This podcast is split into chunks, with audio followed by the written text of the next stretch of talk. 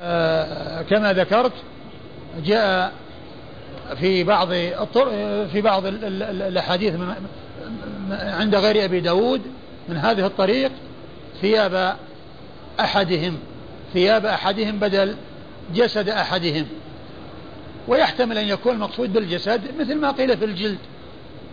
يعني معناه لا أن المقصود به يعني يقال فيه ما قيل في الجلد. وأن وأن المقصود هو آه، إزالة يعني ما حصل عليه النجاسة من الجلد لا أن الجسد يقطع و بل تكون مثل الرواية السابقة.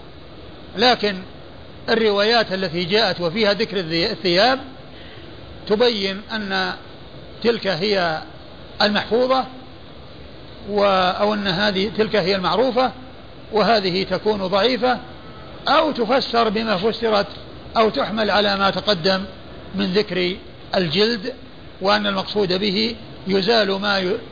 كما يزال الجلد. يراد بالجسد هو الجلد وليس المراد به جسد الإنسان بمعنى أنه يقطع ويمزق. نعم. لكن الرواية الأولى جلد أحدهم. جلد أحدهم. طيب ما يفهم منه؟ وهذه جسد أحدهم. لكن يقصد الرواية الأولى ما يفهم منه أنه يقطعون كذلك ما وقعت عليه النجاسة من إلا محتمل. محتمل يكون جلد أحدهم الجلد اللي يلبسه. لأنهم كانوا يلبسون الجلود من اللباس الجلود. ويحتمل أن يكون جلده هو بمعنى أن القطعة من الجلد من جلد الإنسان التي وقعت عليها النجاسة أنه يزيلها. وفي ذلك يعني آه، شدة عليهم وذلك يتطلب منهم أن يبتعدوا عن أن يحصل منهم ذلك حتى لا يحصل هذا الجزاء أو هذا الذي يكلفوا به. لأنه يعني كما هو معلوم الإنسان إذا عرف أن جسده سيحصل له شيء بسبب ذلك يبتعد أن يقع منه ذلك الذي يسبب قطعه أو يسبب إزالة الجلد بسبب ذلك. قال حدثنا مسدد. مسدد هو بن مسرهد الذي مر ذكره مرارا وهو ثقة أخرج حديث البخاري وأبو داود والترمذي والنسائي. عن عبد الواحد بن زياد. عن واحد عبد الواحد بن زياد وهو ثقة في حديثه عن الأعمش وحده مقال. ثقة في حديثه عن الأعمش وحده مقال. أخرج أيوة. أصحاب الكتب. أخرج حديث أصحاب الكتب. نعم. أخرج حديث أصحاب الكتب الستة. عن الأعمش. عن الأعمش وهذا منه. يعني في روايته عن الأعمش. ولكن الحديث يعني كما هو معلوم جاء من طرق. أقول جاء من طرق متعددة. جاء في الصحيح وغير الصحيح. آه عن الأعمش. نعم. وهو سليمان بن مهران الكاهلي الكوفي ثقة أخرجه أصحاب كتب الستة والأعمش لقبه. نعم. عن زيد بن وهب. عن زيد بن وهب وهو ثقة أخرجه أصحاب كتب الستة. عن عبد الرحمن بن حسنة. عن عبد الرحمن بن حسنة رضي الله عنه وهو صحابي أخرج حديثه. أبو داود والنسائي وابن ماجه. أبو داود والنسائي وابن ماجه. قال أبو داود قال منصور. قال أبو داود قال منصور. يعني في حديث أبي موسى الأشعري وهذا أشار إليه إشارة. ومنصور هو ابن المعتمر الذي مر ذكره قريبا. هو ثقة نعم. نعم. أخرجه أصحاب كتب الستة. نعم. عن أبي وائل وأبو وائل شقيق بن سلمة هو ثقة مخضرم أخرج له أصحاب الكتب الستة وهو مشهور بكنيته أبو وائل ويأتي ذكره باسمه. نعم. عن أبي موسى. عن أبي موسى الأشعري عبد الله بن قيس رضي الله عنه وهو وحديثه عند أصحاب الكتب الستة. وقال عاصم عن أبي وائل. وقال عاصم وهو عاصم بن بهدلة عاصم بن أبي النجود بهدلة. أبوه مشهور بكنيته أبو النجود واسمه بهدلة وهو صدوق له أوهام وهو أحد القراء صاحب القراءة المشهورة عاصم بن أبي النجود قراءة عاصم وهو آه، حديثه أخرجه أصحاب الكتب الستة ولكن حديثه في الصحيحين مقرون. يعني معناه أنه لم يروي عنه أصحاب الصحيح استقلالا وإنما روي عنه مع كونه مقرونا مع غيره. ومن المعلوم أن من كان كذلك يكون أقل ممن روي عنه على سبيل الاستقلال. نعم. عن أبي وائل عن أبي موسى.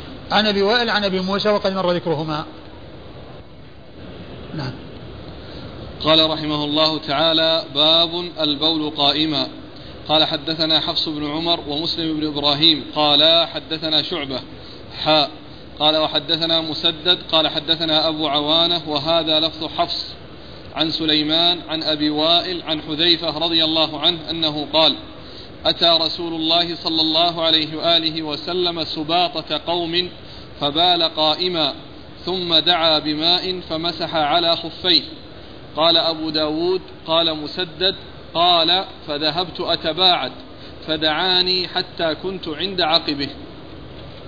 ثم أورد أبو داود رحمه الله هذه الترجمة باب باب البول قائمة يعني ما حكمه؟ والبول قائما المعروف من عادته صلى الله عليه وسلم أنه كان يبول جالسا يبول قاعدا والبول قائما جاء عنه نادرا وقليلا وهو يدل على أن ذلك جائز. ولكن ما داوم عليه الرسول صلى الله عليه وسلم هو الأولى والأفضل والأكمل أن يكون الإنسان عن قعود لا عن قيام. ولكنه إذا فعل ذلك قائما في بعض الأحيان لا بأس بذلك. إذا أمن أن لا يقع عليه شيء من البول بسبب ذلك ويكون فعل الرسول صلى الله عليه وسلم له في بعض الأحيان أو نادرا لبيان الجواز عندما يحتاج الإنسان إلى ذلك. وقد يكون الرسول صلى الله عليه وسلم فعل ذلك يعني يعني آه، نادرا لضرورة دعته إلى ذلك. ولكن كونه صلى الله عليه وسلم حصل منه وهو قائم يدلنا على أن الإنسان يعني له أن يبول قائما إذا دعا الأمر إلى ذلك لكن بشرط ألا يصل إليه شيء من رشاش البول بسبب كونه يبول عن قيام. والرسول صلى الله عليه وسلم آه، حديث من هو؟ حديث حديث حذيفة. نعم. حديث حذيفة رضي الله عنه إنه كان مع النبي صلى الله عليه وسلم فجاء سباطة قوم والسباطة هي الذي يلقى المكان الذي يلقى فيه ال ال ال الأتربة والقمائم وما إذا كنست البيوت وجمع ما يحصل عن كنسها فإنه يلقى في أفنية البيوت يعني خارجا منها خارج خارجها وقريبا منها في أفنيتها. وغالبا ما يكون ذلك أتربة وأشياء إذا وقع عليها البول فإن الأرض تشربه ولا يحصل من ذلك آه تطاير رشاش البول لأن الأرض تكون سهلة. فجاء فجاء سباطة قوم فبال قائما وكان معه حذيفة فأراد أن يتباعد أراد أن يتباعد فطلب منه أن يرجع أن, أن يرجع إليه وأن يستره ويكون في مكان قريب منه يعني يستره. وقد يكون يعني هذا الذي جاء في الحديث إشارة إلى أن الرسول آه، اضطر إلى ذلك. وأنه احتاج إلى ذلك وأنه ما استطاع أن يصبر إلى أن يصل إلى مكان آخر. ولهذا فعل ذلك وطلب من حذيفة أنه آه، يقرب منه حتى يعني يستتر به. والحديث يدل على أن الأصل على أن أنه يجوز البول قائما للحاجة والأصل أن يبالى في حال الجلوس. نعم. قال ثم دعا بماء فمسح على خفيه. ثم قال فدعا بماء فمسح على يعني توضأ ومسح على خفيه. لأنه مختصر. لأن الحديث فيه توضأ ومسح على خفيه. يعني معناه أنه آه، آه، غسل أعضاء الوضوء وأما الخفان فقد مسح عليهما. لأنه كان عليه خفان مسح عليهما. المقصود أنه توضأ ومسح على الخفين. والحديث فيه اختصار. ذكر آخره دون أوله. ذكر آخره الذي هو المسح دون أوله الذي هو ذكر الوضوء. وقد جاء يعني في بعض الروايات توضأ ومسح على خفيه. فالحديث مختصر. نعم. قال حدثنا حفص بن عمر. حفص بن عمر آه، آه، إيش قال عنه؟ ثقة أخرج له البخاري وأبو داود والنسائي. ثقة أخرج له البخاري وأبو داود والنسائي. ومسلم بن إبراهيم. ومسلم بن إبراهيم الفراهيدي الأزدي وهو ثقة أخرجه أصحاب كتب الستة. قال حدثنا شعبة. قال حدثنا شعبة وهو بن الحجاج الواسطي. ثم البصري ثقة وصف بأنه أمير المؤمنين في الحديث وحديث أخرجه أصحاب الكتب الستة. حاء وحدثنا مسدد. ثم قال حاء وحدثنا مسدد. وهذه الحاء هي للتحويل. وهذا أول موضع في سنن أبي داود يأتي فيه ذكر التحويل. الحاء التي تكتب حاء مفردة. المقصود منها الدلالة على التحول من إسناد إلى إسناد. لأنه مشى في الإسناد ثم أراد أن يرجع ويذكر إسنادا آخر من شيخه. ثم يلتقي الإسناد الأول هذا الإسناد الأخير مع الإسناد الأول عند شخص. ثم يلتقيان ويستمران إلى الآخر. هذا يسمى التحويل. وحاء التحويل تكتب حاء مفردة وينطق بها فيقال حاء حتى يسمع يسمع السامع أن هناك تحول. وأنه رجع من جديد ليذكر إسنادا آخر يبدأ فيه من شيخه. غير الإسناد الذي ذكر شيخه أو شيوخه من قبل. ولكن الإسنادين يلتقيان عند شخص ثم يستمران طريقا واحدا إلى الآخر.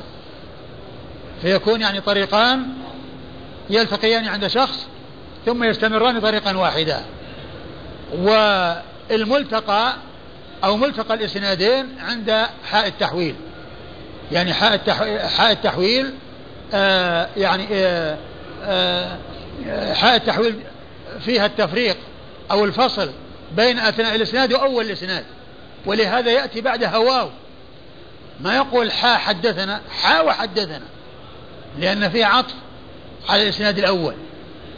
ولكن الإسناد الثاني يمشي إلى أن يلتقي عند المكان الذي وقف عنده الإسناد الأول ثم يستمران بعد ذلك. حا وحدثنا مسدد. مسدد قال عرفناه. نعم. عن أبي عوانة. عن أبي عوانة هو الوضاح بن عبد الله اليشكري. الوضاح ابن عبد الله اليشكري وهو ثقة أخرجه أصحاب الكتب الستة وهو مشهور بكنيته أبو عوانة.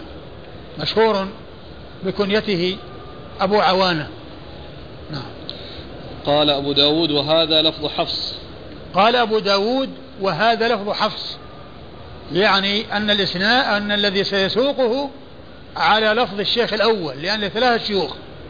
له ثلاث شيوخ. الإسناد الأول فيه شيخان. آه، آه، حفص بن بن حفص بن حفص بن عمر. حفص بن عمر ومسلم بن إبراهيم ومسدد. الشيخان الأول الأولان في الإسناد الأول والشيخ الثاني في الإسناد الثاني. ولكنه أشار أبو داود إلى أن هذا لفظ حفص. يعني الكلام الذي سيسوقه هو لفظ حفص الذي هو الشيخ الأول. أيوة. عن سليمان. عن سليمان. إيش الإسناد الأول عن عن إيش؟ حدثنا حدثنا حفص بن عمر ومسلم بن إبراهيم قال حدثنا شعبة. أيوه.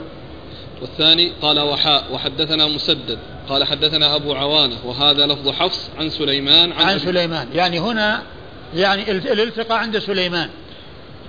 الإسناد الأول شيخ شيخ شيخ شيخ شعبة. والثاني شيخ شيخه أبو عوانة. ويلتقي الإسنادان عند عند سليمان. ثم يتحدان فوق ذلك. وسليمان هو الأعمش. سليمان بن مهران الأعمش جاء هنا باسمه غير منسوب. وقد سبق أن مر بنا مرارا يذكر بلقبه الأعمش. وهذا كما قلت فائدة معرفة الألقاب كما قال أه- أه- أه- يعني علماء المصطلح ألا يظن الشخص الواحد شخصين. لأن الذي ما يعرف أن سليمان هو الأعمش يظن أنه إذا جاء في إسناد الأعمش وإذا جاء في إسناد آخر سليمان أن سليمان غير الأعمش. هذا شخص لا شخص. لكن من يعرف لا يلتبس عليه الأمر. قال سليمان أي الأعمش. نعم. عن أبي وائل عن حذيفة. عن أبي وائل وهو شقيق بن سلمة وقد مر ذكره قريبا. عن حذيفة هو ابن اليمان صاحب رسول الله صلى الله عليه وسلم وهو صحابي ابن صحابي. ووالده استشهد يوم أحد وحذيفة بن اليمان رضي الله تعالى عنه حديثه عند أصحاب الكتب الستة. قال أبو داود قال مسدد قال فذهبت أتباعد. قال أبو داود قال مسدد. يعني أن الشيخين الأولين وهما حفص بن عمر ومسلم بن إبراهيم انتهى الحديث عند عندما فمسح على خفيه. فمسح على خفيه. واللفظ لفظ حفص بن عمر لأنه لفظ الشيخ الأول. ثم قال قال قال أبو داود قال مسدد يعني أن مسدد اللي هو شيخه. في الطريق الثاني عنده زيادة. مسدد شيخه في الطريق الثاني عنده زيادة ليست عند شيخيه الأولين. قال حذيفة فذهبت أتباعد يعني أردت أني أبتعد عنه. أيوة. فدعاني حتى كنت عند عقبه. فدعاني حتى كنت عند عقبه. والدعوة يعني يحتمل أن يكون ناداه وكلمه وهذا يفيد أن الإنسان عند ما يبول ويكون هناك حاجة للكلام وأمر يقتضي الكلام آه يفعل. ويمكن أن يكون بالإشارة. ويمكن أن يكون بالإشارة حين دعا بالإشارة يعني أشار إليه بأن يأتي حتى كان عند عقبة يحتمل هذا ويحتمل هذا. يحتمل أن يكون ناداه ويحتمل أن يكون أشار إليه بأن يأتي حتى كان عند عقبه يعني قريبا منه يستره. نعم. قال رحمه الله تعالى باب في الرجل يبول بالليل في الإناء ثم يضعه عنده. قال حدثنا محمد بن عيسى قال حدثنا حجاج عن ابن جريج عن حكيمة بنت أميمة بنت رقيقة عن أمها رضي الله عنها أنها قالت كان للنبي صلى الله عليه وآله وسلم قدح من عيدان عيدان. كان للنبي صلى الله عليه وآله وسلم قدح من عيدان تحت سريره يبول فيه بالليل. ثم أورد أبو داود رحمه الله باب باب في الرجل يبول بالليل في الإناء ثم يضعه عنده. باب في الرجل يبول يبول في الليل في الإناء ثم يضعه عنده. آه ذكرت مرارا أو ذكرت فيما مضى أنه يأتي مرارا ذكر الرجل في التراجم وفي المتون وليس المقصود به خصوص الرجل. بل الحكم للرجال والنساء وذكر الرجال أو ذكر الرجل لأن غالبا الخطاب مع الرجال. فلا فلا مفهوم له من حيث أن النساء لا تكون كذلك بل الأحكام التي للرجال للنساء والتي للنساء للرجال ما لم يأتي شيء يخص الرجال أو يخص النساء. هذا هو الأصل.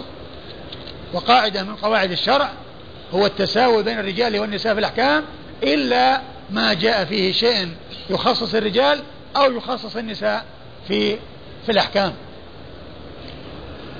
آه وأورد أبو داود رحمه الله حديث آه، أميمة بنت رقيقة أن النبي صلى الله عليه وسلم كان له قدح من عيدان. يعني والمقصود بالعيدان النخل.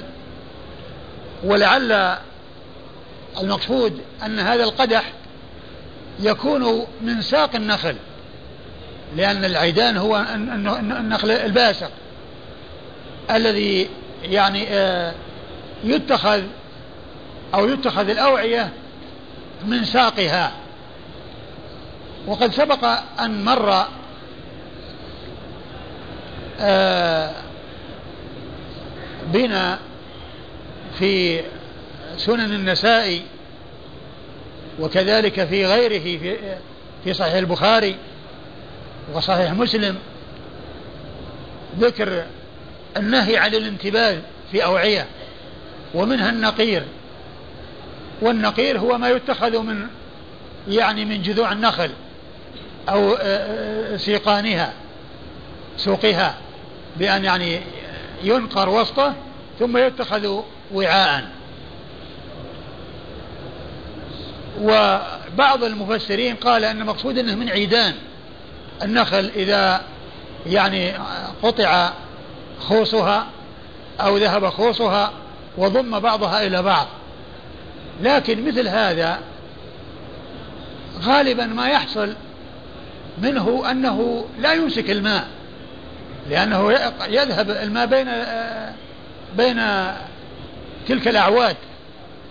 ويمكن أن يعمل على طريقة محكمة بحيث لا يفعل. لكن العيدان الذي هو النخل الطوال والذي ينقر آه، ساقه أو قطعة من ساق ساقها ساق النخلة ويتخذ وعاء. هذا آه، سبق أن مر بنا أنهم كانوا يتخذون من ذلك الأوعية لأن النبي صلى الله عليه وسلم نهى عن عن الانتباذ في النقير. وهو ما ينقر من من جذوع النخل ومن سوق النخل. السلام. بارك الله.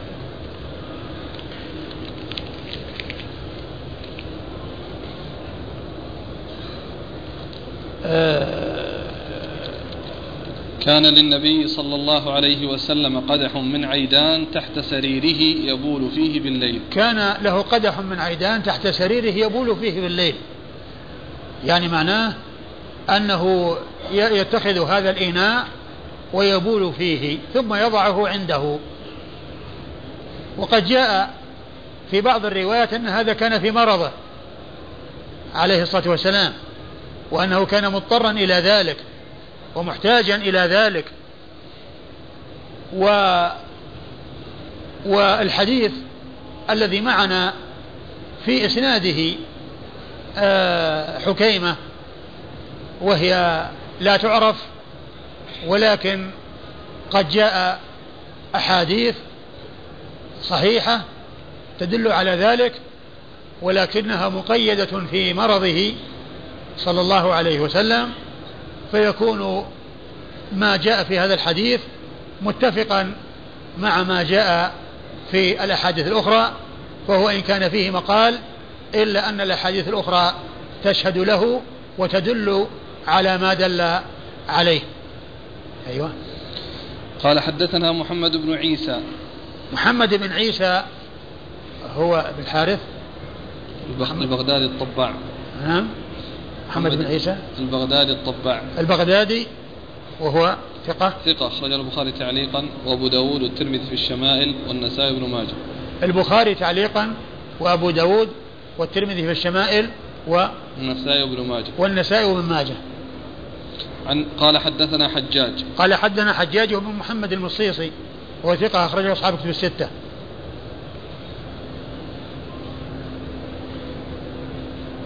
عن ابن جريج.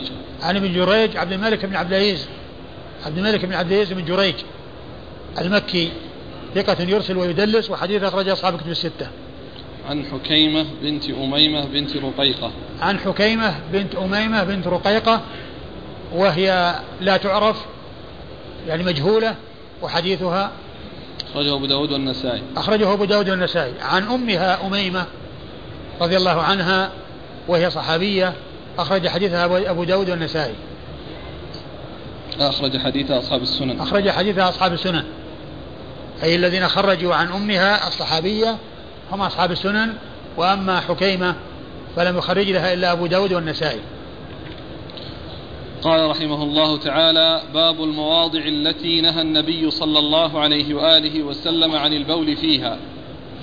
قال حدثنا قتيبة قتيبة بن سعيد قال حدثنا إسماعيل بن جعفر عن العلاء بن عبد الرحمن عن أبيه عن أبي هريرة رضي الله عنه أن رسول الله صلى الله عليه وآله وسلم قال اتقوا اللاعنين. قالوا وما اللاعنان يا رسول الله؟ قال الذي يتخلى في طريق الناس أو ظلهم.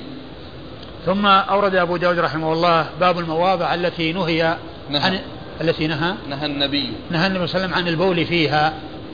عن البول؟ نعم. عن البول فيها يعني البول أو أو ال أو ال الغائط أيضا.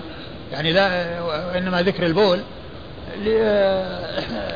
لا يعني يختص الحكم بالبول ولكن قد يذكر أحد أحد الاثنين دون الآخر.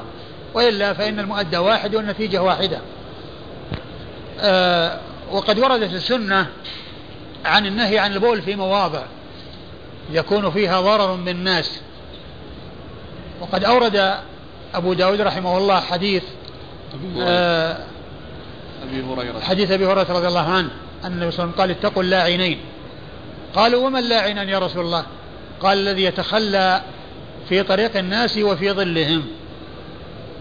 قال اللاعنان فسر بأن المقصود به أنهما يعني سبب في اللعن.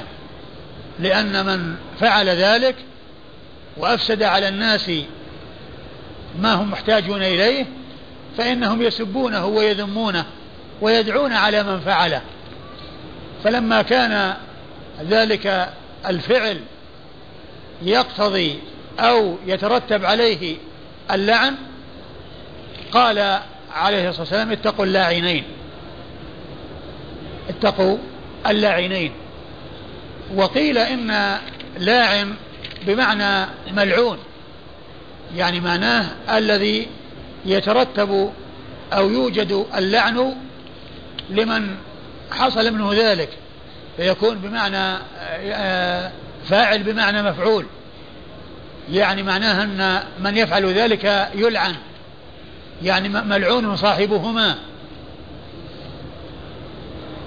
وقوله اتقوا يعني احذروا وابتعدوا وكونوا على حذر بأن تبتعدوا عن الوقوع في ذلك الذي يؤدي وهذا فيه آه النهي عن سد الذرائع لأن هذا ذريعة إلى اللعن يعني ينهى عن الشيء لأنه يؤدي إلى شيء.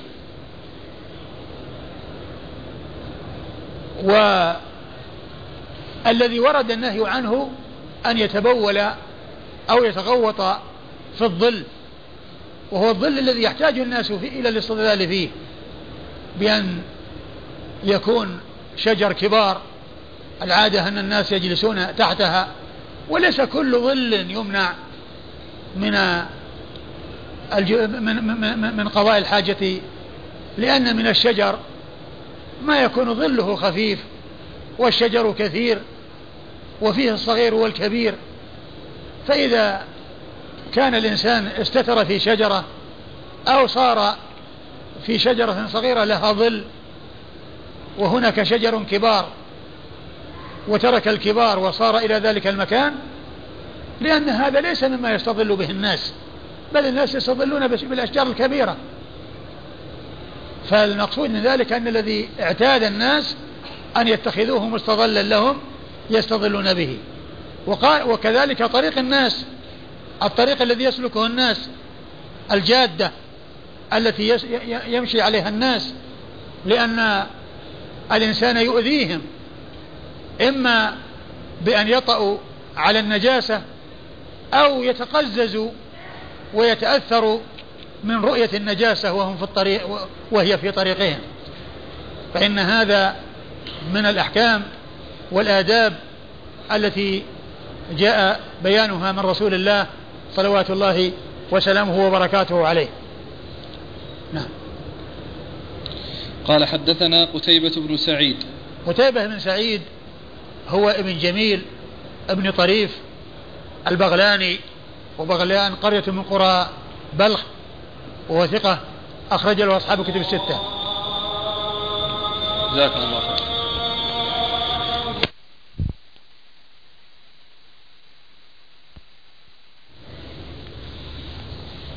بسم الله الرحمن الرحيم الحمد لله رب العالمين والصلاة والسلام على نبينا محمد وعلى آله وصحبه أجمعين أما بعد قال الإمام أبو داود رحمه الله تعالى باب باب المواضع التي نهى النبي صلى الله عليه وآله وسلم عن البول فيها.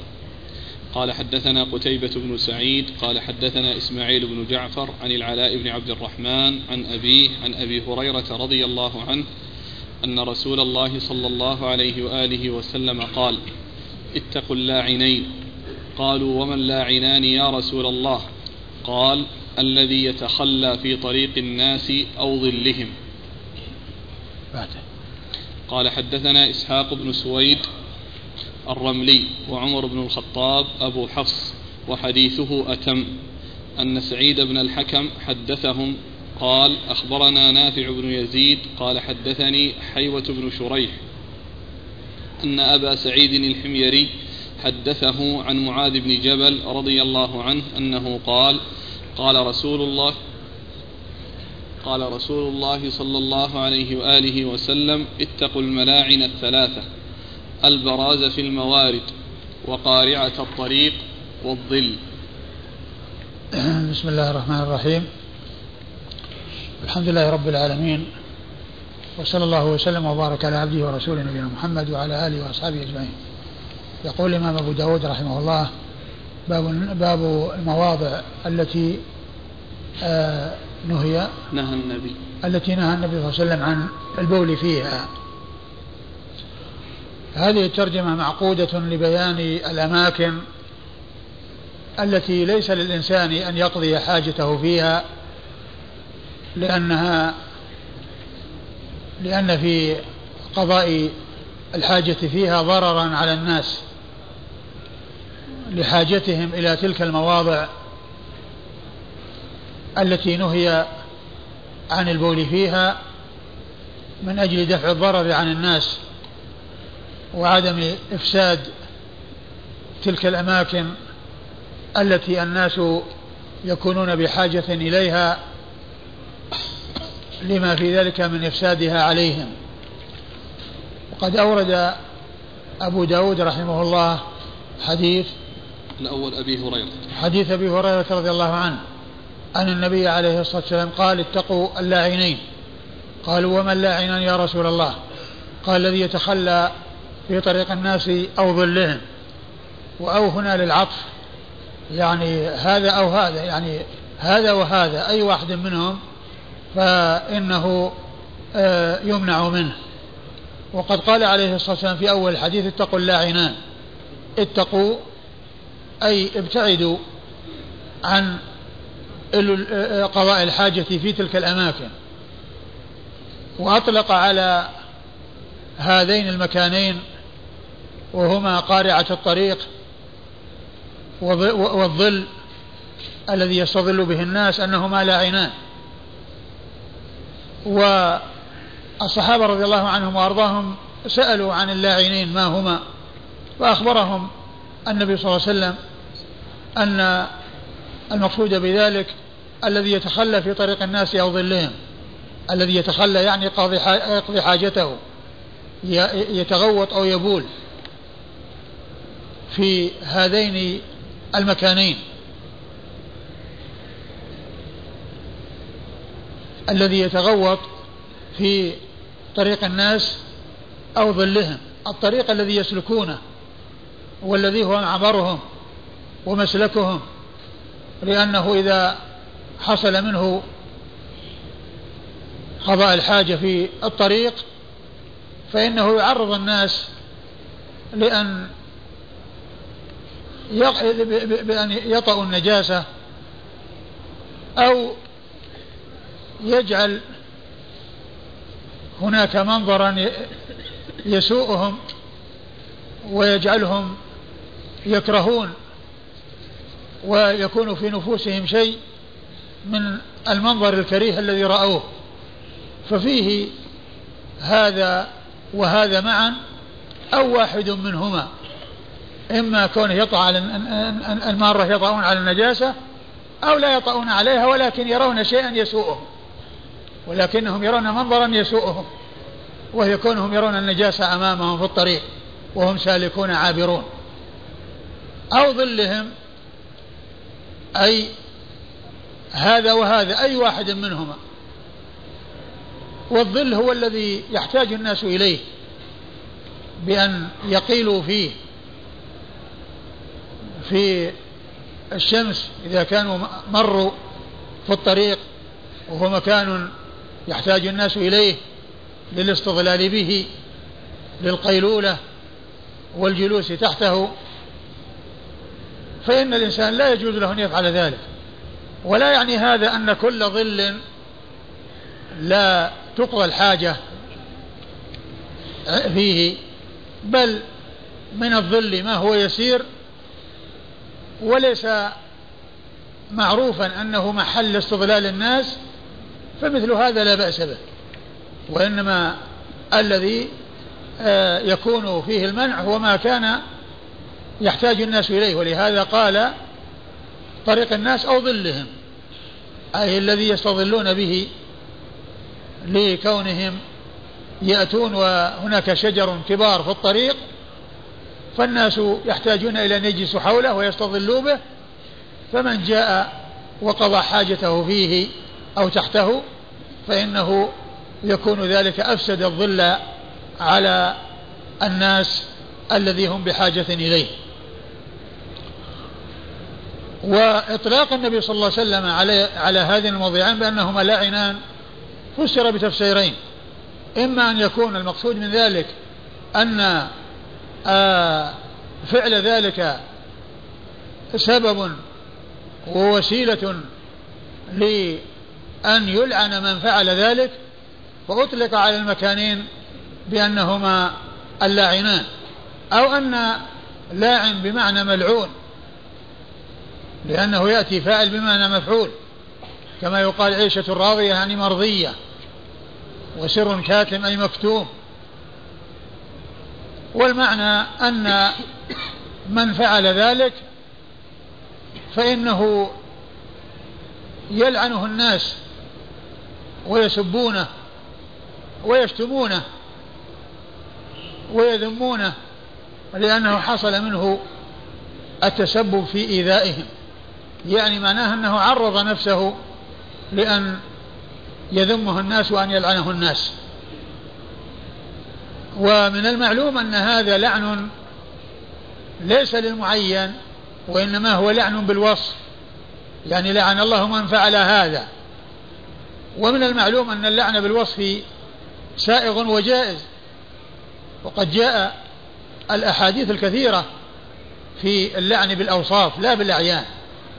بأن قال لعن الله المتشبهين من الرجال بالنساء ومشبهات النساء بالرجال. لعن الله النامصة والمتنمصة. لعن الله كذا لعن الله كذا. يعني بالوصف لا بالعين. وأما لعن المعين فإن ذلك لا يجوز. لعن المعين لا يجوز إلا إذا علم كفره وأنه كان كافرا ومات على الكفر. إذا كان مات كافرا وعرف موته على الكفر فإنه يلعن.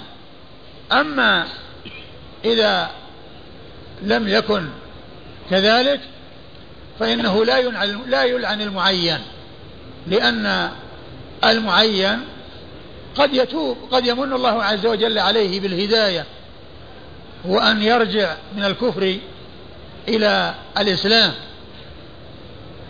فلعن المعين بأن يقال فلان هذا هو الذي جاء المنع منه. وأما بالوصف فإن ذلك سائق الوصف فإن ذلك سائق لأنه لا تعيين فيه. فإذا من عرض من من فعل ذلك فإنه يلعن بالفعل أو بفعله. ومن وجد يفعل ذلك لا يقابل ولا يقال لعن الله فلانا لأن لعن المعين لا يجوز. نعم. والحديث الثاني حديث معاذ بن جبل. نعم. معاذ. معاذ بن جبل رضي الله عنه أن النبي صلى الله عليه وسلم قال اتقوا الملاعن الثلاثة. البراز في الموارد وقارعة الطريق والظل والظل. الملاعن الثلاثة يعني هو مثل الذي قبله. أطلق على الأماكن بأنها ملاعن لأنها سبب أو أن من فعل ذلك فيها يكون سببا في لعن صاحبه أي الذي فعله. والبراز في الموارد يعني قضاء الحاجة. والأصل في البراز أنه الفضاء الواسع ولكن المراد به أو كني به عن قضاء الحاجة في الموارد وهي موارد الماء. موارد الماء الأماكن التي يرد الناس فيها على الماء أو الطرق التي تؤدي إليه فإن ذلك مما يحتاج الناس إليه وقضاء الحاجة فيه يعرض لوطئ النجاسة أو لرؤية المنظر الكريه والمنظر السيء وكل ذلك فيه إيذاء للناس. وكذلك قارعة الطريق آه، آه، وقارعة الطريق. إيه. وقارعة الطريق يعني المكان الذي يسلكه الناس وهي الجادة. وسميت قارعة لأن أقدامهم تقرعها فيكون الطريق بينا واضحا بسبب توارد الأقدام عليه وتكرر الأقدام عليه. وقد يكون إذا كان في أرض يعني سهلة أن يكون حفرة على طول الطريق. بحيث يعني يحصل في الأرض مقدار على على مقدار الجادة ومقدار الذي تطأه الأقدام أن يكون واضحا بينا للناس بأن يمشوا عليه ويطأوا ويطأوا ويطأوا عليه. وهذا شيء مشاهد ومعاين ومعروف في الأماكن التي ليست مسفلتة وليست يعني أشياء صلبة. فإن تكرر وطء الأقدام على مكان معين أو على آه، آه، طريق معين يؤثر ذلك في الأرض حتى يكون واضحا. فالقارعة يعني وسط الطريق أو المكان الذي تقرعه الأقدام الذي تقرعه أقدام الناس الذي تقرعه أقدام الناس فتؤثر فيه في بكثرة بتكرر آه، مشيها عليه ووطئها عليه. والظل أي الذي يحتاج الناس إليه. وليس كل ظل وليس كل ظل يمنع منه. وكذلك الطريق الذي هو ليس مهجور والذي أو سلوكه نادر. يعني ليس كذلك بل الأمر الشيء الذي الناس اعتادوا أن يمشوا فيه وأن يسلكوه أو الظل الذي هو مكان استظلالهم لكونه ظلا واسعا وشجرة كبيرة لها ظل واسع اعتاد الناس أن ينزلوا تحت مثل هذه الشجر الكبار ويستظلوا بها فلا يجوز لأحد أن يفسدها عليهم. نعم. والأسانيد؟ قال حدثنا قتيبة بن سعيد. قتيبة بن سعيد هو بن جميل بن طريف البغلاني. وبغلان قرية من قرى بلخ. وبلخ هي من أكبر بلاد خراسان. وهو ثقة أخرج حديثه أصحاب الكتب الستة. عن إسماعيل بن جعفر. عن إسماعيل بن جعفر وهو ثقة أخرجه أصحاب الكتب الستة. عن العلاء بن عبد الرحمن. عن العلاء بن عبد الرحمن الجهني الحرقي. وهو صدوق ربما وهم. أخرج حديثه البخاري في جزء القراءة ومسلم وأصحاب السنة الأربعة.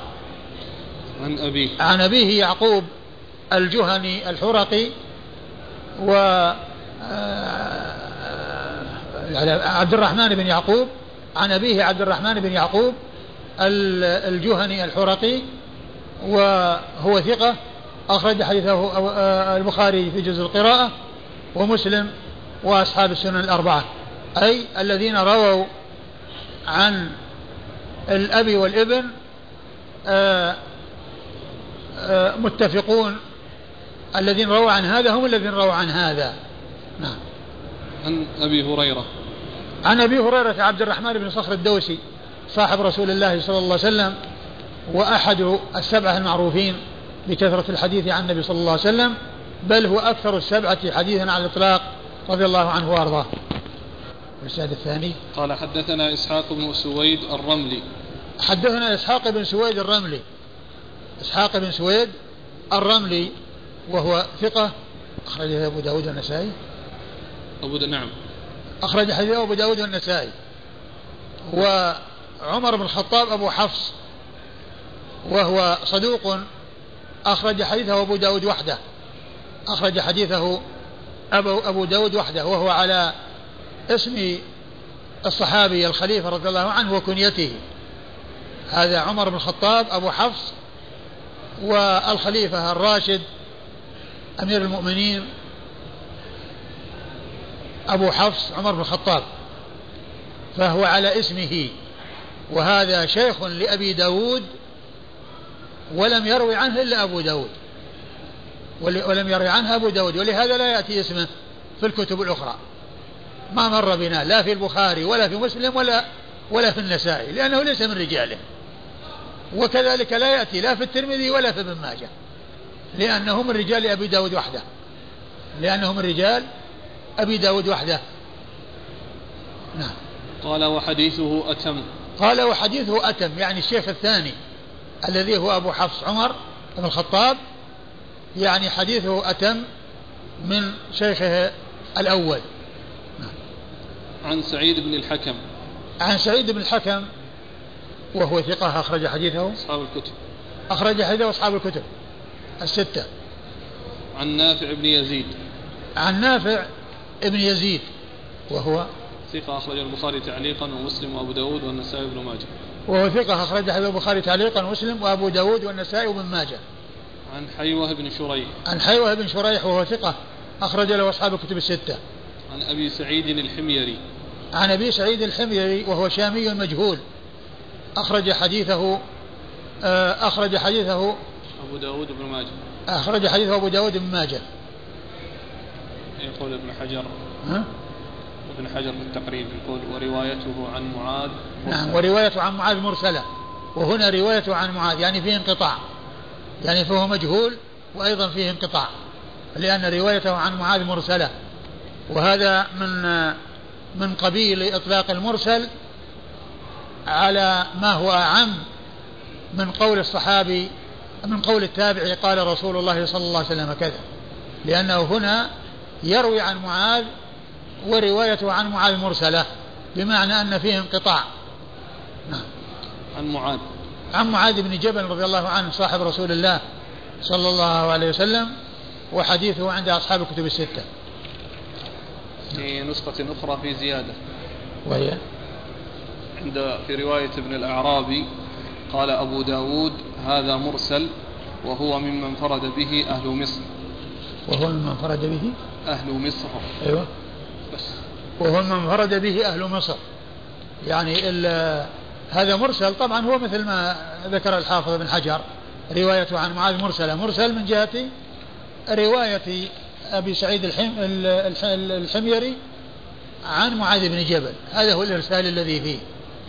وإيش رواية عن المصر يقول وهو ممن انفرد به أهل مصر وهو من انفرد به أهل مصر يعني لأن الذي الذي آه، آه، في الإسناد ثلاثة من أهل مصر.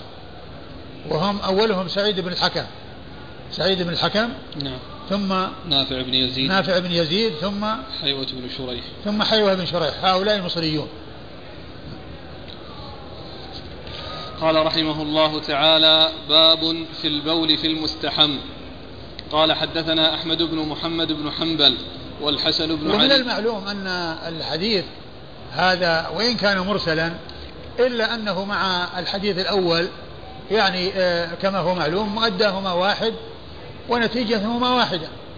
ومقتضى ويعني والذي يفيده أيضا الذي يفيده يعني آه، لفظ الحديث من جهة الطريق ومن جهة الظل ومن جهة الموارد آه، كل ما في معناها من الأشياء أو الأماكن التي محل تجمعات الناس ومحل جلوس الناس أو آه، تجمعاتهم أو مسالكهم كل ذلك يمنع منه لأن العلة هي يعني دفع الأذى. المقصود من التنصيص على هذه الأماكن أي كل ما كان في معناها فإنه يكون مثلها لأن الحكم واحد والحكمة واحدة والعلة واحدة وهي دفع الأذى عن الناس وعدم إيصال الأذى إلى الناس وإلحاق الأذى بالناس. فما كان في معناها فإنه داخل في حكمها. نعم. قال رحمه الله تعالى باب في البول في المستحم. قال حدثنا أحمد بن محمد بن حنبل والحسن بن علي قال حدثنا عبد الرزاق قال قال أحمد حدثنا معمر قال أخبرني أشعث وقال الحسن عن أشعث بن عبد الله عن الحسن عن عبد الله بن مغفل أنه قال قال رسول الله صلى الله عليه وآله وسلم لا يبولن أحدكم في مستحمه ثم يغتسل ثم يغتسل فيه قال أحمد ثم يتوضأ فيه فإن عامة الوسواس من منه. ثم أورد أبو داود رحمه الله باب البول في المستحم. باب البول في المستحم والمستحم هو مكان الاستحمام. هو مكان الاستحمام. مكان مكان الاغتسال. وقيل له استحمام لأنه آه، لأن مأخوذ من الحميم وهو الماء الحار. ويكون الاغتسال في الماء الحار. يعني لا سيما في الشتاء. فهذا هو وجه إطلاق المستحم. ثم أطلق اطلاقا عاما. يستحم يعني يغتسل. وسواء كان الماء حارا أو باردا. وكان وسواء كان الماء حارا أو باردا. هذا هو المقصود بالترجمة. وقد أورد أبو داود حديث عبد الله بن المغفر رضي الله عنه أن النبي صلى الله عليه وسلم قال لا يبولن أحدكم في مستحمه ثم يغتسل فيه. وقال أحمد ثم يتوضأ فيه. أحمد هو أحد الشيخين الذين رو... الذين روى عنهما أبو داود وهو الإمام أحمد بن حنبل. قال فإن عامة الوسواس منه فإن عامة الوسواس منه.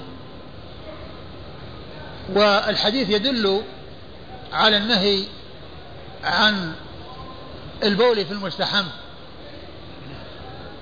ثم الإنسان يتوضأ ويغتسل فيه. وقيل إن المنع في مكان المكان الذي يستحم فيه إذا كان أرضا سهلة بمعنى أنه يمسك يمسك البول ويمسك النجاسة. ومنهم ومن العلماء من قال إن المقصود به إذا كان صلبا بحيث أن الإنسان إذا بال تطاير البول على الإنسان فيلحقه الضرر. أما إذا كان المكان وكذلك مكانا صلبا وينحبس فيه البول ويتجمع فيه البول فيكون في ذلك سبب أو تعرض للوقوع في النجاسة. أما إذا كان له مجرى يمشي فيه كالأماكن الموجودة في البيوت في هذا الزمان من كون الماء له مسالك يذهب فيها قالوا فإنه لا بأس به ولا مانع منه. قال وإن عامة الوسواس منه يعني أن الإنسان إذا يعني بال في مكان يستحم فيه. ثم يكون البول على أرض ترابية. فإن النجاسة يمسكها التراب وتبقى في التراب. والإنسان قد يطع على هذا المكان النجس. ويعني رجله مبلولة. إذا كان قد يبس. وإذا كان الأرض صلبة فإنه يترتب على ذلك أن يتطاير عليه البول ورشاش البول. فيؤدي ذلك إلى الوسواس. جاه نجاسة ما جاه نجاسة. حصل له نجاسة ما حصل له نجاسة. علقه نجاسة ما علقه نجاسة فيكون في ذلك وسواس. فيكون في ذلك وسواس. ف ال ال هذا هو معنى الحديث وهذا هو التعليل للنهي عن الاغتسال أو البول في المستحم. لكن إذا كان يعني مثل ما هو موجود في هذا الزمان من وجود أماكن الناس يبولون ويستحمون ويعني لا والنجاسة تذهب ولا يبقى لها أثر فإن ذلك لا محذور فيه ولا مانع منه. فإن ذلك لا محذور فيه ولا مانع منه وإنما المكان فيما إذا كان ما هناك مجرى والأرض ترابية والبول آه، آه، تمسكه ويبقى في البول ويوطأ يبقى البول على التراب ويوطأ عليه ويكون بذلك آه، ملابسة ملامسة النجاسة أو الأرض صلبة فيجتمع الماء ويحير يحير فيها الماء فيؤدي ذلك إلى يعني الوطء عليه أو كونه يبقى وتشرب وينشف وتكون الأرض نجسة. أما إذا كان الماء البول يمشي والماء يلحقه فإنه لا يحصل فيه الذي يحصل في هذه الأحوال. و وإذا فالنهي فيما إذا ترتب عليه مفاسد. أما إذا لم يترتب عليه مفاسد بأن النجاسة تذهب والبول يذهب والماء يتبعه ولا يبقى شيء يؤثر على الناس فإنه لا بأس ويجوز آه، البول في مكان الاستحمام. والحديث ورد يعني لأوله يعني طرق أخرى وفي آه وأما فإن عامة الوسواس منه فإن عامة الوسواس منه ما جاء إلا من طريق واحد. والطريق هذه فيها كلام. والطريق هذه فيها كلام. لكن أوله حيث تضم الطرق بعضها إلى بعض والأحاديث بعضها إلى بعض فإن النهي عن الاغتسال في البول في المستحم جاء من طرق فيكون ثابتا وأما ما جاء من ذكر الوسواس الذي جاء من طريق واحد فهذا هو الذي يضعف أيوة. قال حدثنا أحمد بن محمد قال حدثنا أحمد بن محمد بن حنبل وهو الإمام الجليل الإمام المشهور أحد أصحاب المذاهب الأربعة المشهورة من مذاهب أهل السنة وهو آخر الأئمة الأربعة. هو آخر الأئمة الأربعة لأن الأئمة الأربعة أبو حنيفة ومالك والشافعي وأحمد أبو حنيفة توفي سنة 150 ومالك 179 والشافعي 204 وأحمد 241 241 فهو آخر الأئمة الأربعة. آخر الأئمة الأربعة. وهو الذي اشتهر بكثرة الحديث وكتابه المسند يبلغ أربعين ألف حديث. أربعين قيل أنه أربعين ألف. فهو موسوعة ضخمة واسعة وله مؤلفات أخرى غير المسند. لكن هذا المسند جامع وواسع وهو موسوعة كبيرة واسعة فهو محدث فقيه وإمام مشهور وأحد أصحاب المذاهب الأربعة المشهورة من مذاهب أهل السنة. نعم. والحسن بن علي. والحسن بن علي هو الحلواني. الحسن بن علي الحلواني وهو ثقة. أخرج حديثه البخاري. هو الهذلي الخلال. ها؟ هو الهذلي الخلال أو غيره. الهذلي الخلال؟ هو ولا غيره؟ لا هو الحلواني. الحسن بن علي الحلواني. ذكر في في أظن في أحمد بن حنبل والحلواني يعني كذا. أظن في تحفة الأشراف أنت عندك أنت رأيت يعني شيء آخر؟ تخريج قديم هذا. ها؟ يقول هذا تخريج قديم. إيش؟ تخريج قديم. قديم أيوه لا أنا رأيت أظن في تحفة الأشراف قال والحلواني. والحلواني اللي هو الحسن الحسن ابن علي. وهو ما في لك تقريب؟ لا. تقريب هو موجود؟ ها؟ لا. ما حد معه تقريب؟ تقريب ينبغي أنه يحضر دائما. اليوم معي نسخة ها؟ جبت نسخة اليوم معي أيوه. أنا ما أتذكر يعني الذين خرجوا له الآن. لكنه ثقة. الحسن بن علي الحلواني وهو ما خرج له النسائي. أظنه خرج لأصحاب الكتب الكتب الستة إلا النسائي. إذا هو هو. ها؟ اللي عندي كذا. ويش؟ الهذلي الخلال ثقة أخرج أصحاب الكتب إلا لعله إذا لعله لعله آه، جمع بين هذه الأمور. لكن يعني هو أخرج له أصحاب الكتب الستة إلا النسائي. أصحاب الكتب الستة إلا النسائي وما مر بنا في سن النسائي. ما مر بنا في سن النسائي لأنه ليس من رجاله. الحسن بن علي الحلواني. لعله يقال له كذا وكذا لأن حلوان نسبة إلى بلد وهذا يعني نسبة إلى قبيلة. وإيش؟ الخلال بعد؟ أي نعم. أيوة. هذلي الخلال. أيوه. عن عبد الرزاق. عن عبد الرزاق بن همام الصنعاني اليماني محدث مشهور مصنف صاحب المصنف وحديثه أخرجه أصحاب الكتب الستة. قال أحمد حدثنا معمر قال أخبرني أشعث. قال أحمد حدثنا معمر. يعني أن عبد الرزاق قال حدث حدثني معمر.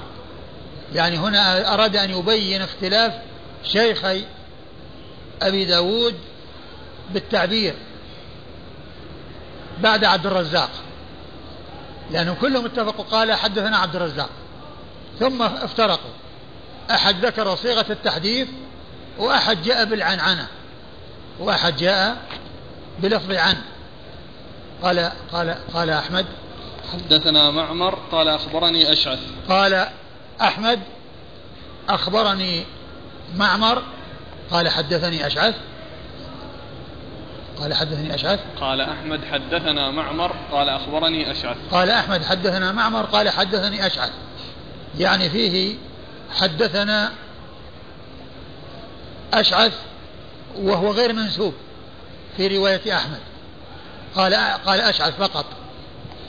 وأما الحسن بن علي الحلواني فقال إيش؟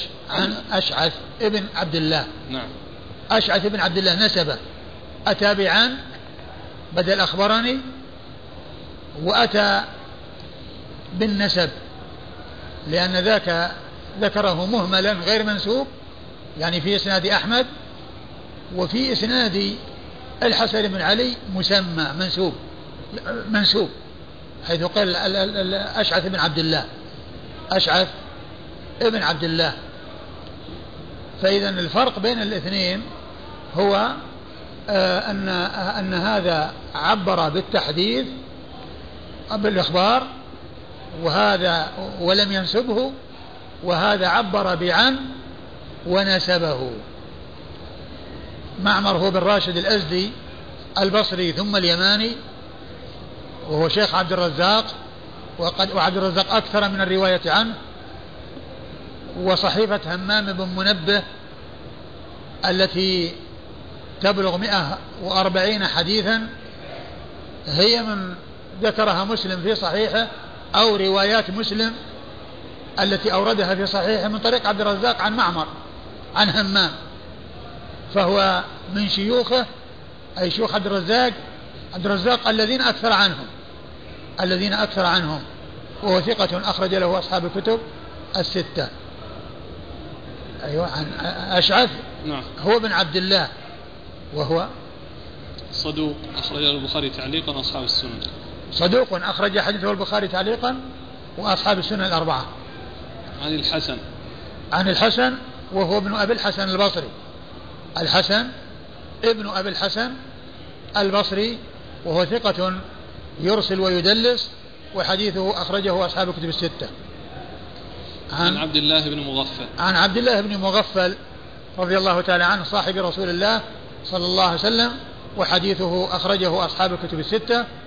وفيه الحسن وهو مدلس وقد روى بالعنعنة ولكن الحديث الذي سيأتي والطريق الآخر فيه ما يشهد للجملة الأولى التي هي النهي عن البول في المغتسل. وأما فإن عامة الوسواس منه هذه ما جاءت إلا من طريق الحسن وهو مدلس ولم يصرح بالسماع فتكون غير ثابتة. لكن بقية الحديث أو أول الحديث قد جاء ما يشهد له وما يدل عليه من طريق أخرى وهي التي ذكرها أن أبو داود رحمه الله بعد ذلك. أيوة. قوله قال أحمد حدثنا معمر قال أخبرني أشعث. هنا أحمد يروي. أحمد بن حنبل. طيب يروي عن عبد الرزاق عن معمر عن أشعث. نعم. طيب وقال الحسن عن أشعث. يعني حذف قال الواسطة الحسن عن أشعث. لا الذي يبدو أنه يعني يعني عن عبد الرزاق. عن معمر. عن معمر عن عن أشعث. عن عبد الرزاق عن معمر. عبد الرزاق عن معمر عن أشعث. ابن عبد الله. طيب كذلك هذا الحديث فيه زيادة في أحد النسخ. وهي؟ في كذلك في نسخة ابن الأعرابي وروى شعبة وسعيد عن قتادة عن عقبة بن صهبان. قال سمعت عبد الله بن مغفل يقول البول في المغتسل يؤخذ منه الوسواس. البول في المغتسل؟ يؤخذ منه الوسواس. يؤخذ منه الوسواس؟ أي. إيش يقول؟ يعني في وروى شعبة؟ وروى شعبة وسعيد عن قتادة. وروى شعبة وسعيد؟ عن قتادة. أيوه. عن عقبة بن صهبان. عن قتادة عن؟ عقبة أيوة. بن صهبان. صهبان؟ نعم. صهبان؟ نعم. أيوه. قال سمعت عبد الله بن مغفل يقول البول في المغتسل يؤخذ منه الوسواس وحديث شعبة أولى. وحديث شعبة أولى؟ نعم. ور- وحديث شعبة أولى يعني الذي ما فيه الحسن. الذي ما فيه الحسن فيه عقبة بن صهبان. صهبان؟ ابن؟ ابن؟ ها؟ عقبة بن بن صهبان. صهبان. إيه. ما أدري يعني عن عقبة بن صهبان هذا وش قيل فيه. والباقيين معروفين. نعم. بس هنا يكون موقوف. نعم. يكون موقوف. لأنه يقول سمعت عبد الله بن مغفل يقول. أيوه. أيوة البول موقوف. موقوف, موقوف نعم. ما دام إنه يعني ما نسبه إلى الرسول صلى الله عليه وسلم يكون موقوف. قال ورواه يزيد بن إبراهيم عن قتادة عن سعيد بن أبي الحسن. عن ابن مغفل قوله. إيه. يعني معناه موقوف. هذا زيادة كلها زيادة عند عند من؟ ابن الأعرابي. عند ابن الأعرابي؟ طيب. قال حدثنا أحمد بن يونس قال حدثنا زهير عن داود بن عبد الله عن حميد الحميري وهو ابن عبد الرحمن أنه قال لقيت رجلا صحب النبي صلى الله عليه وآله وسلم كما صحبه أبو هريرة رضي الله عنه أنه قال نهى رسول الله صلى الله عليه وآله وسلم أن يمتشط أحدنا كل يوم أو يبول في مغتسله. ثم أورد أبو داود رحمه الله حديث الرجل الذي من أصحاب النبي صلى الله عليه وسلم والذي صحبه كما صحبه أبو هريرة أن النبي صلى الله عليه وسلم نهى أن يمتشط أحدنا كل يوم. يعني معناه يكون غبا يوما بعد يوم وأن يبول في مغتسله. وهذا يوافق الجزء الأول من الحديث المتقدم. فيكون شاهدا له فيكون شاهدا له. و وقوله نهى يمتشط أحدنا كل يوم يعني المقصود بذلك الإشارة إلى الابتعاد عن الترفه وعن كون الإنسان يشغل نفسه دائما وأبدا في يعني آه، في آه، حاله وتجمله وما إلى ذلك وإنما يكون الإنسان متوسطا. لا مهملا ولا متوسعا وشاغلا وقته في يعني آه، في إظهار نفسه يعني بمظهر يعني ذلك الشغل آه، يكون فيه ترفه ويكون فيه أيضا اشتغال عن أمور أخرى يكون بحاجة إليها بأن يكون شاغلا باله في نفسه وفي هيئته وفي شكله وفي لباسه وفي يعني آه، شعره والعناية به وما إلى ذلك.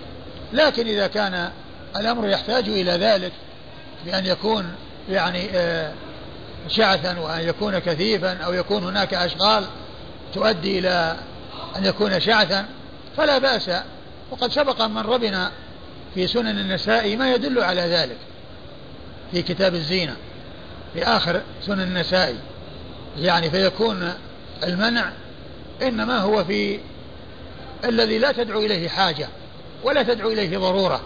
أما إذا كان الأمر يحتاج إلى ذلك بأن يكون يحتاج الإنسان إلى كل يوم بأن يكون يعني صاحب عمل وصاحب شغل ويصيبه الشعث ويصيبه التراب ويصيبه كذا وكذا فهذا لا بأس أن يعني يعنى بذلك في كل يوم.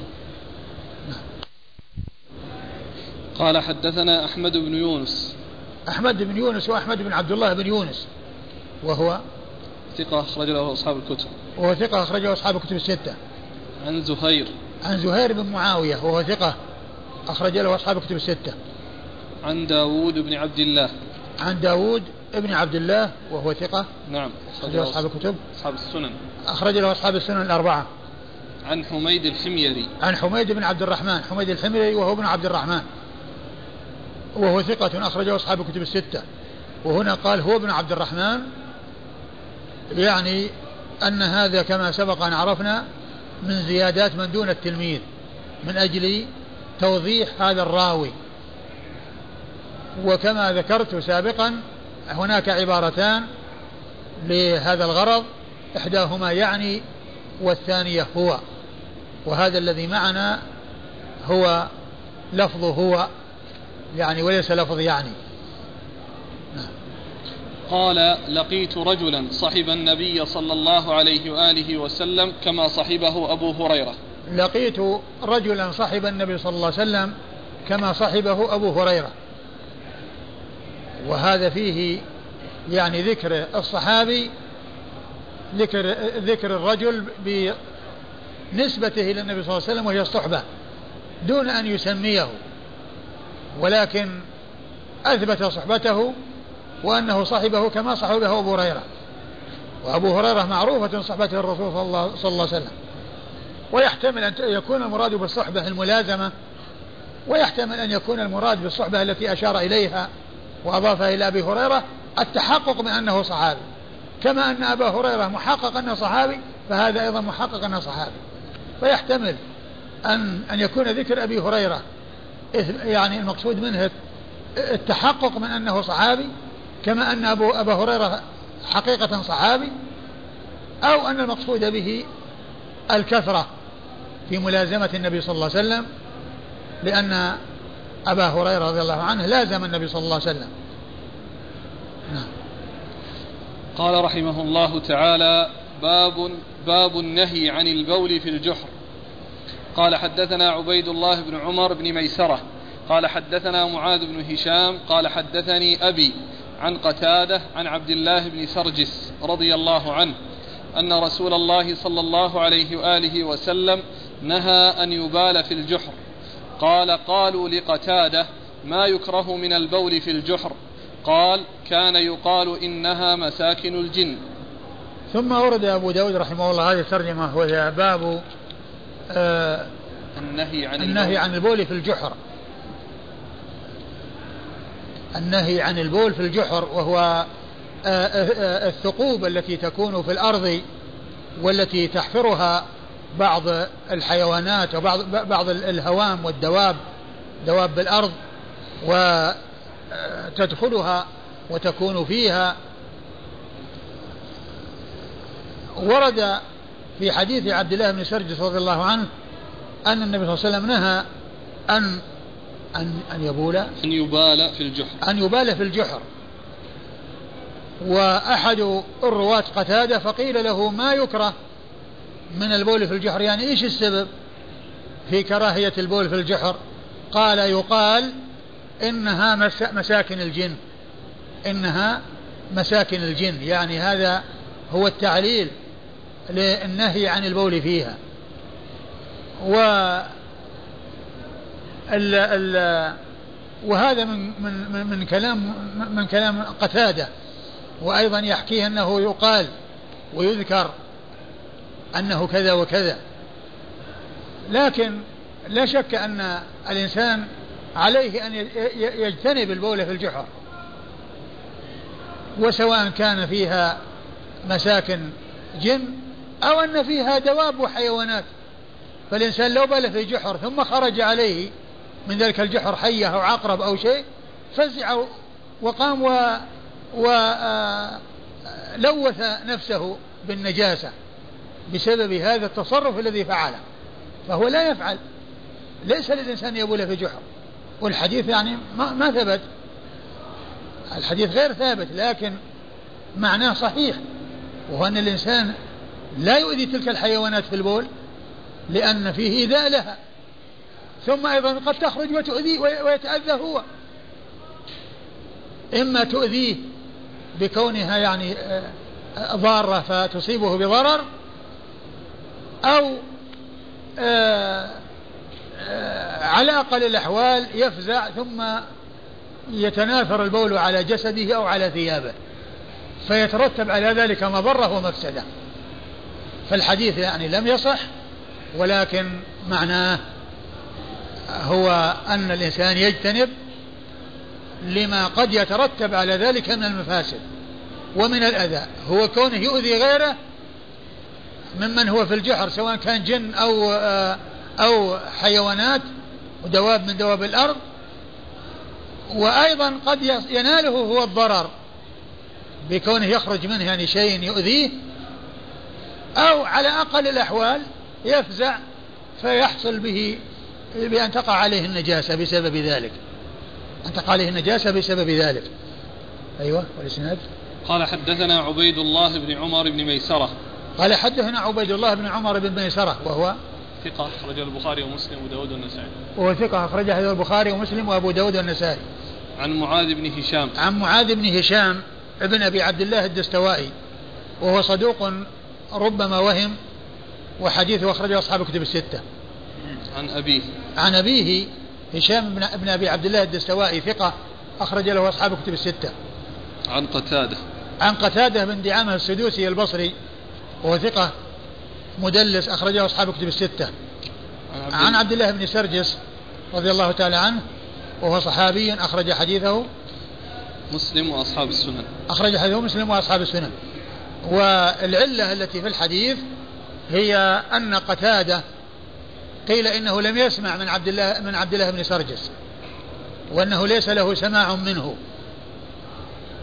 وهو مدلس أيضا وقد روى بالعنعنة. لو كان سمع منه فإن هناك علة أخرى وهي التدليس.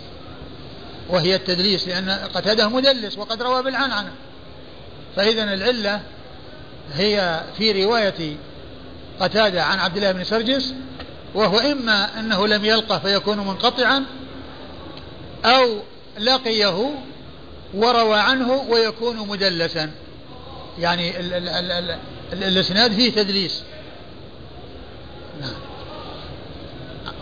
عن ابن السرج أخرج له مسلم وأصحاب السنن؟ نعم. أخرج له مسلم وأصحاب السنن الأربعة. نعم.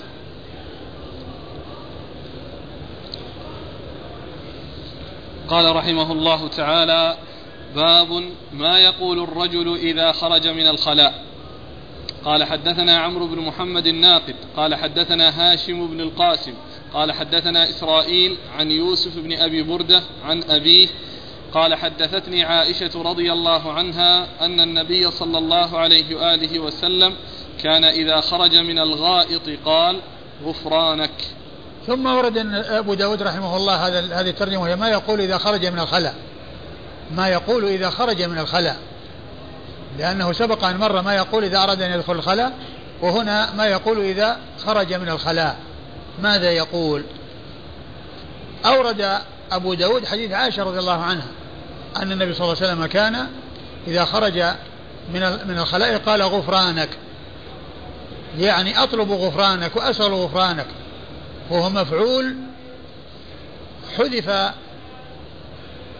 الفعل والفاعل. غفرانك أسألك غفرانك أطلب غفرانك. وهو كلام مختصر ذكر فيه المفعول وحذف الفعل والفاعل. ومن المعلوم أن أن الفاعل هو المتكلم.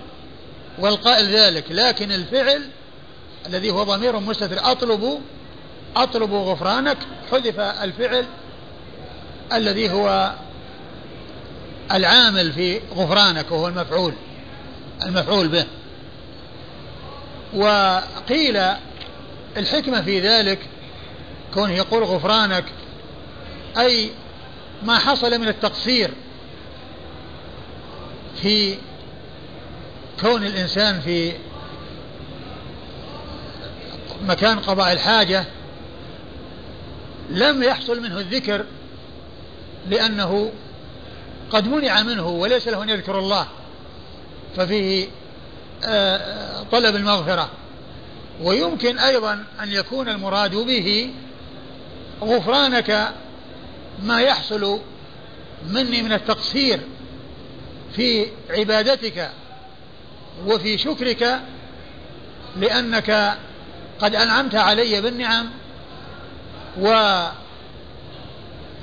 لي فائدة المطاعم والمشارب وأنت تفضلت علي بسهولة دخولها وخروجها وهي نعمة عظيمة أنعم الله أنعمت بها علي فأنا أسألك المغفرة لما حصل من من التقصير من شكر هذه النعم ومقابلة هذه النعم التي أنعمت بها علي وهي أن الطعام يأكله الإنسان ويتغذى به ويستفيد منه ثم يتحول إلى رجيع وإلى بول ويخرج منه بسهولة ويسر بدون مشقة ولم يحبس الله الغائط ولا البول.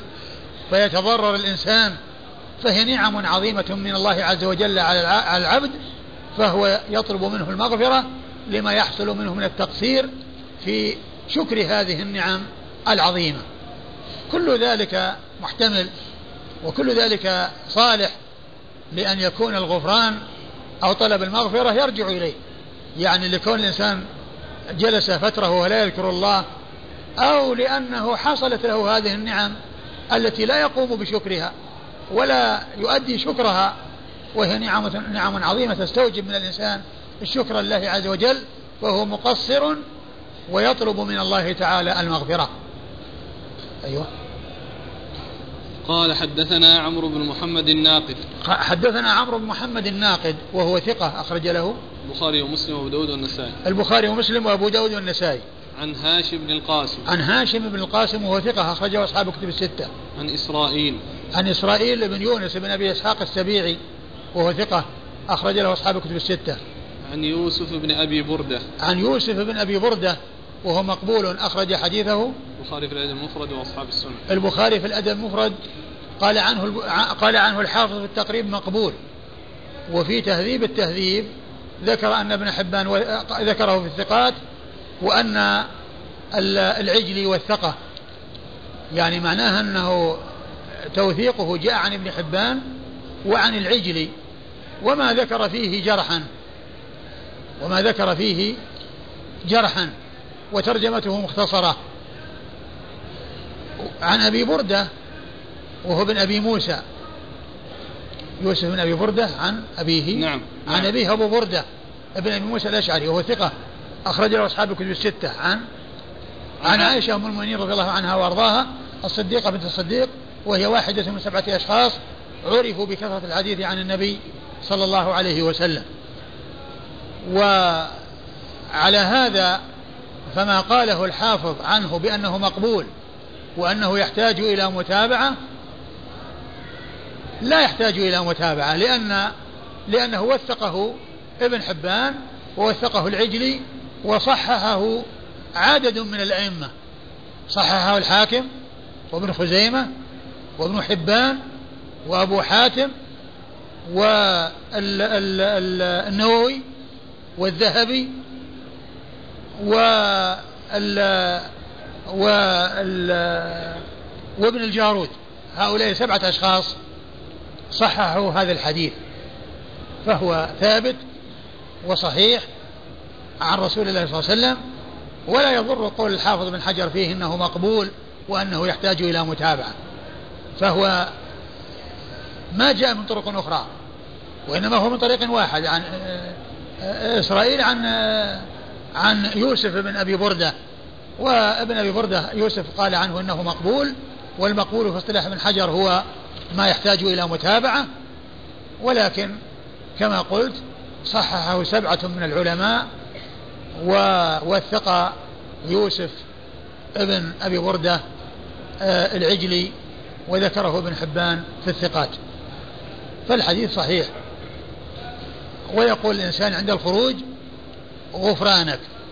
وقد جاء في بعض الأحاديث الحمد لله الذي أذهب عن الأذى وعافاني لكن هذا لم يثبت عن رسول الله صلى الله عليه وسلم بل هو ضعيف والثابت هو هذا الذي جاء في الحديث في هذا الحديث وهو غفرانك. نعم. قال رحمه الله تعالى باب كراهية مس الذكر باليمين في الاستبراء. والله تعالى أعلم وصلى الله وسلم وبارك على عبده ورسوله نبينا محمد وعلى آله وأصحابه أجمعين.